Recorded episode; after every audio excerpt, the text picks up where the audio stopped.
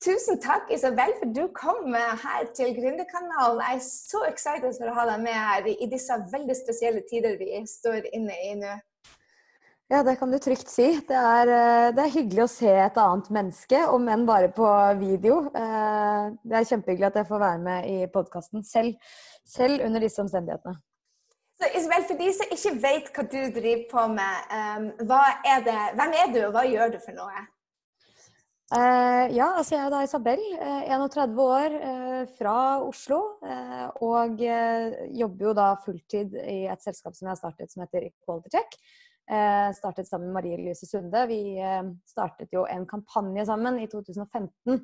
Da hadde hun vært i FN og blitt veldig inspirert av Emma Watson sin tale som på en måte markerte starten på den fjerde feministbølgen, hvor hun sa 'if not us, then who? If not now, then when?'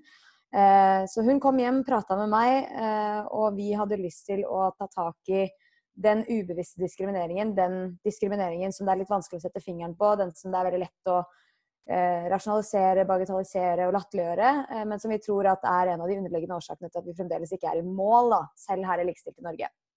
Ja, for vi, vi, er jo veldig vi, vi er jo det, det, er litt morsomt at dere har gjort dette i Norge, hvor vi er kommet så langt, egentlig.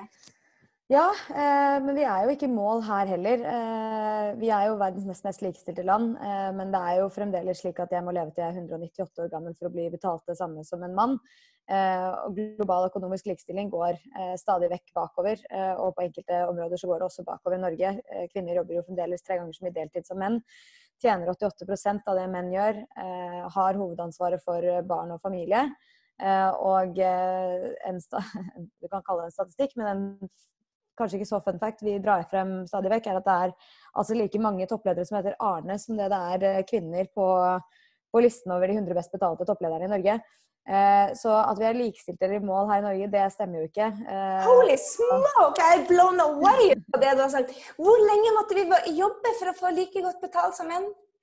Eh, dette er jo da fra 2016. Da lagde World Economic Forum en eh, slags sånn kalkulator eh, hvor basert på prognosen i ditt land kunne du sette inn kjønnet ditt, alderen din og jeg tror det var hva du jobbet med.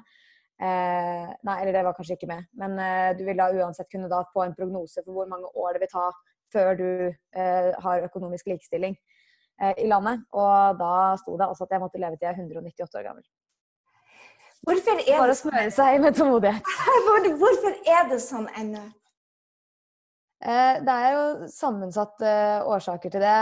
Eh, og, men det vi har valgt å fokusere på i Hun spanderer, som vi tror at er en av, eh, en av de underliggende årsakene, nettopp fordi den er så innmari vanskelig å ta tak i, er jo dette med ubevisst diskriminering. Hvordan vi møter menn og kvinner forskjellig. Eh, avhengig av eh, ja, nettopp kjønnet deres. Eh, det gjelder jo for så vidt ikke bare kjønn, det gjelder jo liksom alle Eller hele mangfoldsaspektet. Etnisitet og legning og funksjonalitet osv. Og, så og også alder i økende grad. men hvor vi mener da at Eller ikke hvordan vi mener, men forskningen i, stor grad tilsier at man møtes da med ulike muligheter. og man gjør det helt fra barndommen, og det fører til at kvinner og menn ofte blir oppfordret til å ha ulike muligheter, og da eh, ofte har et eh, annet utviklende karriereløp. Det er jo veldig da kort forklart, men det er mange, eh, mange eh, ting som spiller inn på hvorfor samfunnet ser ut som det de gjør i dag. Og mye av det går jo også på kjønnsstereotypier, hvordan vi forventer at kvinner skal være på en måte og menn skal være på en annen måte. Eh, og det også da setter større krav til kvinner å oppføre seg på en måte og ta visse typer eh, valg, og også det samme for menn. Så det er jo på en måte begrensende for begge kjønn. Jeg ser jo at jeg har gjort det sjøl. Jeg har eh, en gutt og en jente.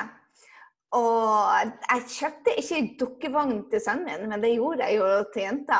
Og um, jeg tror vel På kjøkkenet hjemme så har jeg forventa det samme ut av det, men jeg gikk jo i den akkurat samme fella, egentlig, til tross for at jeg hadde en pappa som eh, tok seg av matlaging hjemme og vaska hus og gjorde alle de, de tingene. Så satt jeg eh, Eller jeg tror jeg har litt jeg, jeg, lurer på hvorfor vi gjør det egentlig enda. Og jeg ser jo de som får barn nå òg, kjøper jo rosa til jentene og, og dukker og, og biler og blått gutter. Hvorfor tror du vi gjør NL? Vi putter det veldig inn i et rollemønster fra den dagen de er født? Det er veldig kulturelt betinget. Dette er jo noe som vi har arvet eh, i mange mange generasjoner. Og det har jo utviklet seg eh, som et resultat av økt fokus på eh, dette i media også. Eh, og ikke minst liksom, alt det som blir solgt da, eh, i forhold til branding. Man har jo funnet ut at det er penger i å skape forskjeller mellom eh, jenter og gutter, hvor stort sett gutter er normalen, og alt som det er noe som heter, eller som populært kalles det pink tax hvor du da gjør egentlig hvilket som helst produkt rosa eh, og tar 20% bedre betalt. Eh, og så er det på en måte tilpasset kvinner, selv om det i prinsippet er egentlig akkurat det samme. Og det har man jo skjønt at også kan generere salg i lekeverden. Som da gjør at man tenker at man skal kjøpe mer rosa dukker og sånt noe til unge jenter. Og så er det noe med at sånn man blir jo ofte, eh, man, man, blir jo ofte det man ser også. At Hvis unge jenter ser veldig mange andre unge jenter med dukker og barbier, og sånn, så tenker man jo Vi er jo flokkdyr, så man har jo lyst til å passe inn. Eh, og det er jo også det man da blir presentert. Men det vi ofte hører fra foreldre, som, eh, og det er jo viktig å påpeke at jeg er ikke forelder selv, så jeg kan ikke uttale meg om dette fra et eh, liksom, ordentlig informativt eh, perspektiv, men det vi ofte hører fra foreldre, er at nei, men det er bare sånn at barna mine vil ha den ene eller den andre leken. Gutta vil ha biler, og jentene vil ha dukker. Og det er sikkert sant, men det er ikke nødvendigvis slik at det er biologisk eh, lagt opp til at det skal være sånn. Eh, det er jo f.eks. et eh, eksperiment som ble gjort fra BBC, som ligger på YouTube. Jeg anbefaler alle å se det. Hvor da eh, en gruppe mennesker fikk eh, et lite spedbarn som de skulle leke med.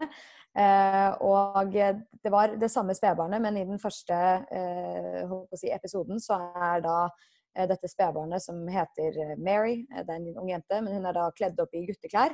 Eh, og så blir kalt for Jack, og så skal da denne lille Jack eh, få lov til å leke med uh, ulike leker. Og så ser man hvilke leker de ulike voksne velger til dette barnet. Velger liksom traktorer og teknologiske leker og legoklosser osv. Og så spør de da den voksne personen etterpå hvorfor valgte du akkurat disse lekene. Og da sier de nei, men det var fordi at han ville ha disse lekene. Og så kan du forestille deg, De gjør akkurat det samme motsatt, hvor da hun er kledd opp i typisk jentete klær. og Eh, heter da Mary. Eh, og så ser de at de voksne velger eh, dukker og barbier og typisk jenteleker. og så da når de blir spurt etterpå, så sier de nei, denne, denne, dette barnet hadde bare så utrolig lyst på disse lekene, og jeg kunne ikke noe for det. Og det var bare en, en naturlig dragning der. Men i virkeligheten så vet man at det var akkurat det samme barnet, og det var jo ikke noe dragning verken den ene eller andre veien. Men vi, vi, har en tendens til å fortelle oss disse tingene fordi det er så kulturelt betinget og så inngrodd i samfunnet at vi ikke nødvendigvis tenker over at det er ubevisste valg vi selv tar. Jeg ser jo det at um, Jeg er i Frankrike for tida. Jeg bor her. Og de har jo ekstra, altså helt annen væremåte. Jentene. Uh, altså Familieforholdene her nede er helt annerledes i Norge, og det er enn i USA. Men, men, samtidig så ser vi jo det at landegrensene blir liksom ja, Jeg vet ikke hvilket land jeg bor i. ikke sant? Så, så, så de blir liksom borte. Før, I hvert fall før koronaviruset så var landegrensen litt mer utviska. Um, tror du det at, at myndighetene og, og det, um, det, kulturelle blir å ha så stor påvirkninger som de har hatt tidligere, eller tror du det blir å forsvinne i, i større grad nå? Um, altså, jeg tror kulturelle påvirkninger uh, altså, I forhold til hvordan uh, kvinner altså ting er jo på en måte det nasjonale ved det. Hvilke uh, kulturelle betingelser man har i landet sitt. og de er jo sikkert i ferd med Eller de kanskje ikke viskes ut, men de får i hvert fall ganske mye god inspirasjon fra hele verden, og det tror jeg utelukkende er en, en bra ting. men i forhold til hvordan vi kulturelt ser på kvinner og menn, det er ofte litt likere enn det man tror. Enkelte land så er det jo helt åpenbart at der har jo ikke kvinner samme eh, juridiske rettigheter. Og det, og, altså det, gjøres jo åpenbare brudd på menneskerettigheter. Eh, så det, det, er kanskje ikke direkte sammenlignbart. Men eh, sånn som i Frankrike, da, hvor jeg tror ikke de har fullstendig juridisk eh, likestilling, så er det jo fremdeles eh, kulturelt betinget om de har kanskje kommet kortere enn i Norge. Veldig. og i Sverige. Eh, men eh, det er jo fremdeles på en måte Det bærer jo preg av at kvinner har hovedansvar for barn og familie.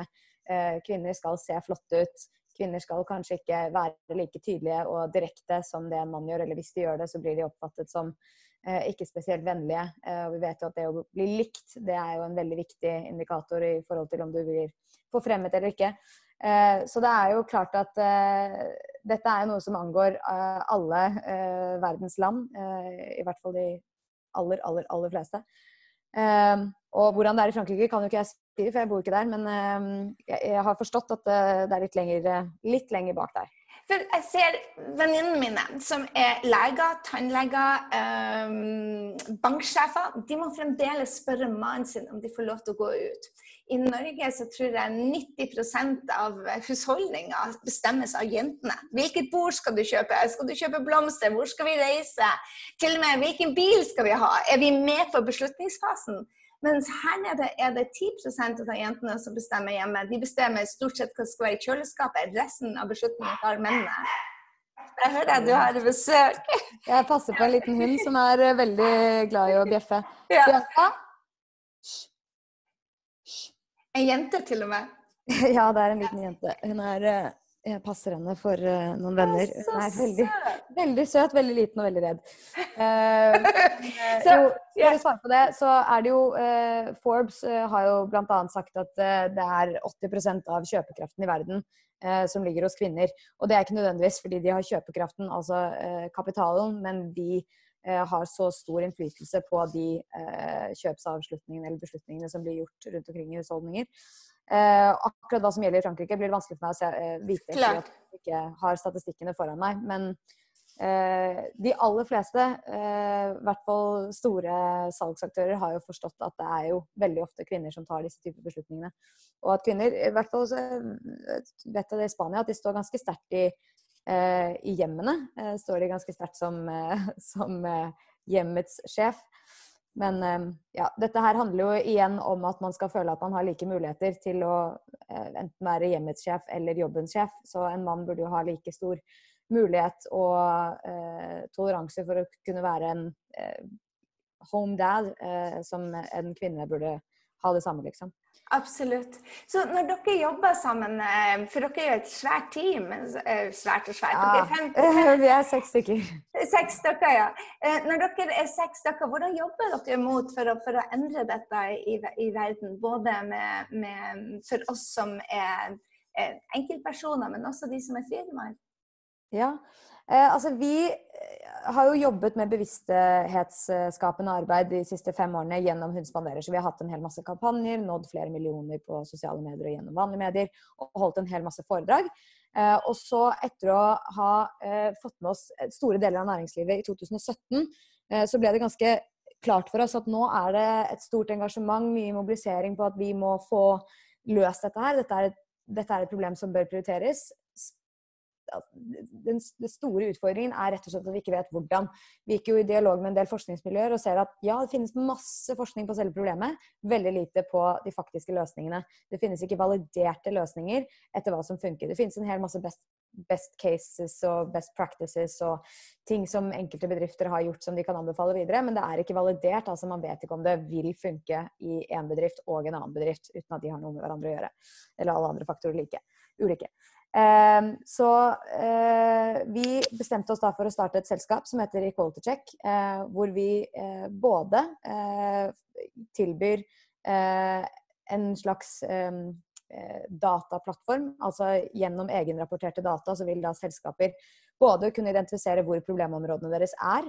Det, er målt på tolv indikatorer som da er satt i samarbeid med forskningsinstituttet CORE, Center for Research on Gender Equality, som vi for øvrig har et lengre forskningssamarbeid med, eh, for å vite hva, hvordan likestillingen faktisk ligger an i bedrifter. Og så, eh, basert på den rapporten deres, så kan de altså klikke seg inn på enkelte problemområder, og da få en oversikt over hvor de bør legge ressursene sine, og hva de bør gjøre, basert på forskningsbaserte løsninger. I tillegg til det så ser vi at en del av løsningen ligger i transparens og ansvarliggjøring, og at vi må inkludere og invitere alle til å bli med og bidra og bruke stemmen sin for å dytte samfunnet og arbeidslivet spesielt da, i riktig retning. Og da kom på en måte Equality Check B2C-delen opp. Eh, som da er en plattform for anonyme vurderinger, hvor hvem som helst kan legge igjen en vurdering om sin nåværende eller tidligere arbeidsgiver. Og når fem stykker har vurdert eh, den arbeidsgiveren, så går arbeidsgiveren live, og alle kan se hva ansatte sier.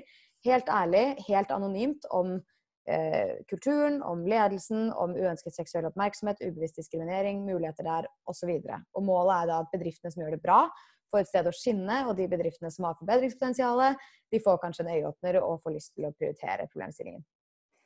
Fantastisk. Har dere, har dere merka endringene i de selskapene dere jobber sammen med? Absolutt. Så vi har jobbet da med tolv uh, founding partners, som vi kaller det, det siste ett og et halvt året. Uh, og der har vi jo sett store endringer både organisatorisk, men det er også blitt en økt kvinneandel i de fleste av de. og det er veldig positivt å se.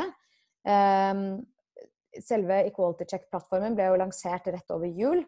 Så den har jo ikke fått være så levende så lenge. Den har nå 170 live bedrifter på. Eh, og de bedriftene som bruker det, eh, syns jo Eller vi har fått utelukkende positive tilbakemeldinger fra de. Eh, men det er fremdeles vanskelig å måle noen effekt på akkurat det. Og så er jo dette forskningsprosjektet med CORE, som går over tre år, de skal jo se på tiltakene bedrifter gjør, og sammenligne det med hvordan datagrunnlaget deres forandrer seg fra år til år, om man ser en positiv eller negativ utvikling. Og da kunne dra konklusjoner basert på det. Interessant. For det er, jo, altså, det er, jo, menneskene i selskapet som har den største verdien, ikke selv produktene, vil jeg si. Så, så, det at man trives på jobben.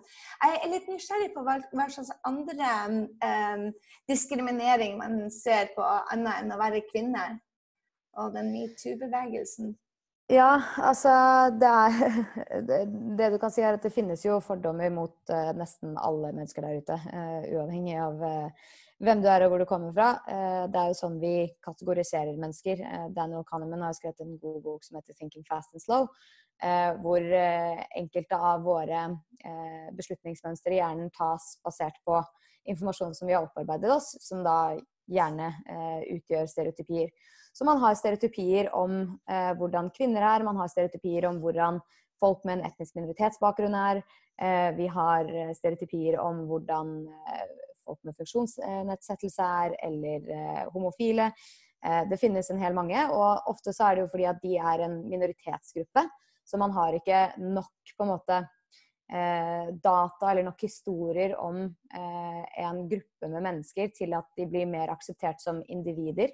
De blir oftere sett på som en gruppe. Det er en veldig kjent forsker ved Harvard som heter Iris Bonnet, som har skrevet en bok som heter What Works, og hun snakker om det som heter kritisk masse, nemlig at 30% av minoriteten må være til stede for at man ser individet, eh, og ikke eh, den på en måte minoritetsgruppen som de tilhører. Wow.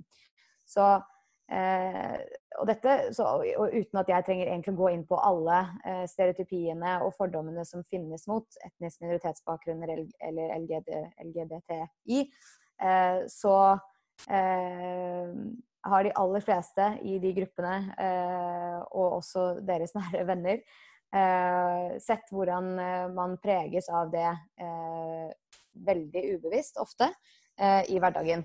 Og hvordan man blir da Man får sånne merkelapper som er ubehagelige, og som ofte gjør at man begrenser aktivitet eller ambisjon.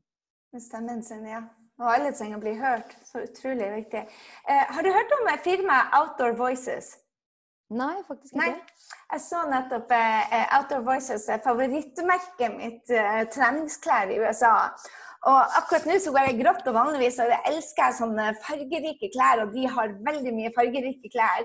Men med en gang jeg hørte at de eh, skvisa ut Taida, som er founderen, fordi hun hadde en mening, ble stempla som bitchy, hun ble pressa ut av sitt egen lille baby, så slutta jeg med en gang å handle der, og nekta å ha på meg de klærne med en gang.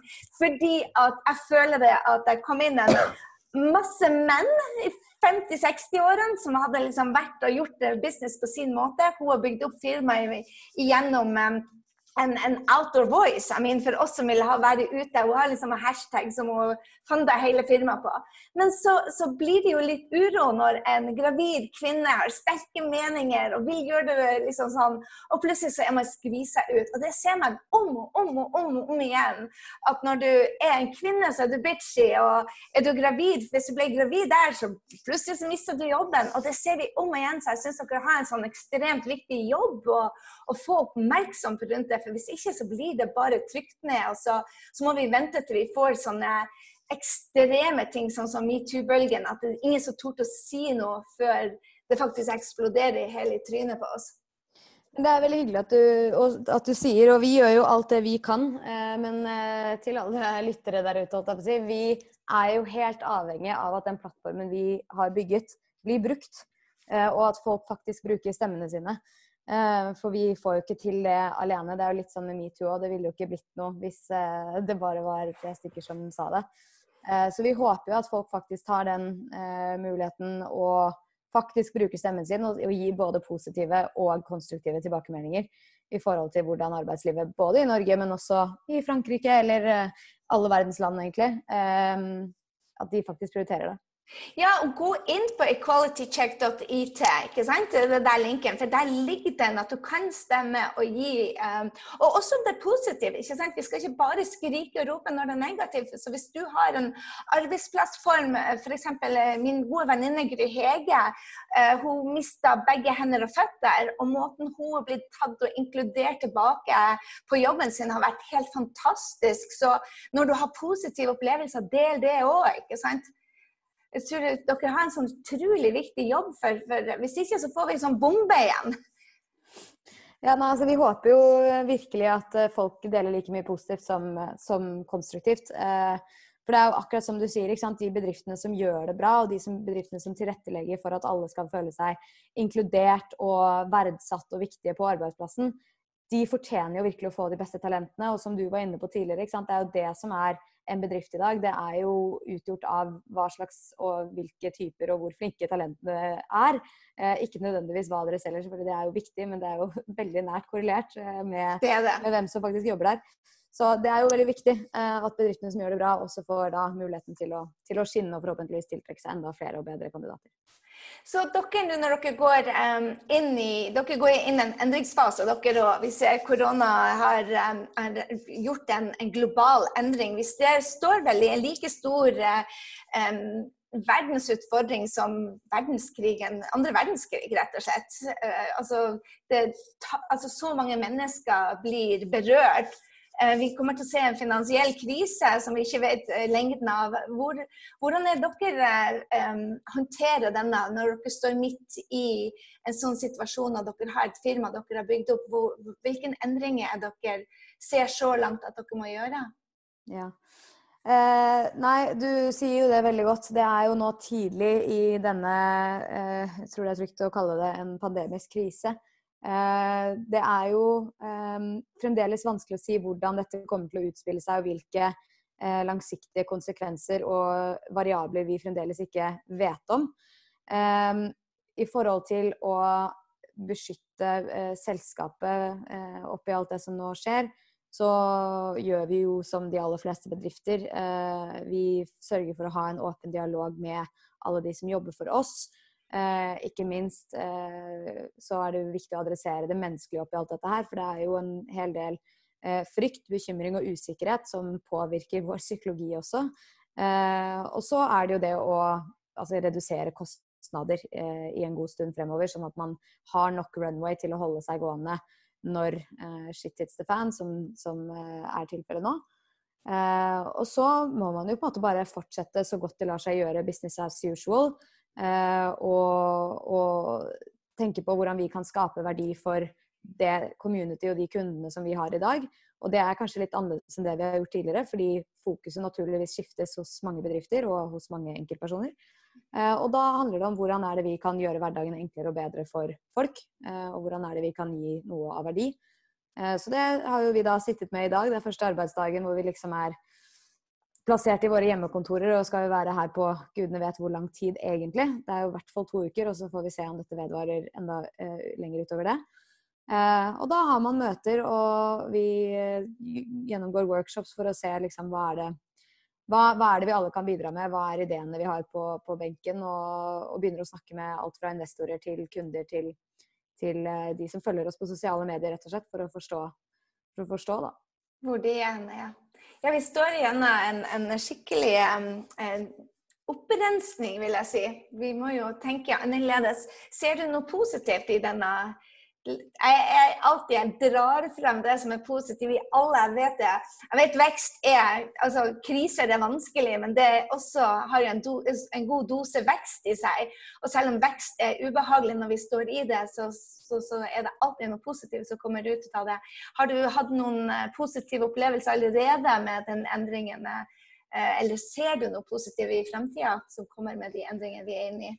Ja, det syns jeg er veldig fint at du trekker frem, eh, Gry. For det er jo helt eh, sant det at alle, eh, alle sånne kriser eh, åpner jo også for muligheter, selv om det, det er, føles veldig tungt akkurat idet man står i det. og det gjør jo at folk må tenke kreativt, og det blusser jo ofte inn i nye, gode ideer.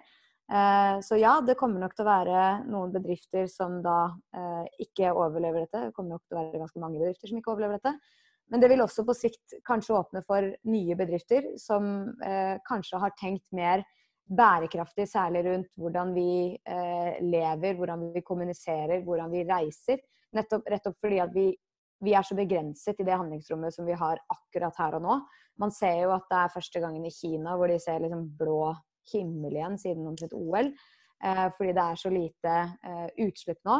Eh, og dette kommer jo til å ha en kjempepositiv påvirkning på miljøet sett over ett, fordi transporten eh, og produksjonen generelt saktes ned.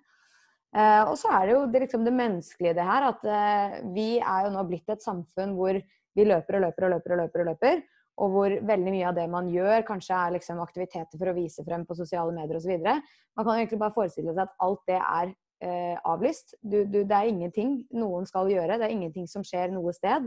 Eh, du, du, kan ikke liksom kjøre løpet ditt fordi det, du, du, sitter hjemme. Eh, så du kan være på dataen din, men eh, ditt tempo vil på en måte ikke kunne henge eller kunne dra alle andre som sitter i hver sine kriser. Så, så det tvinger oss også til å sakte ned.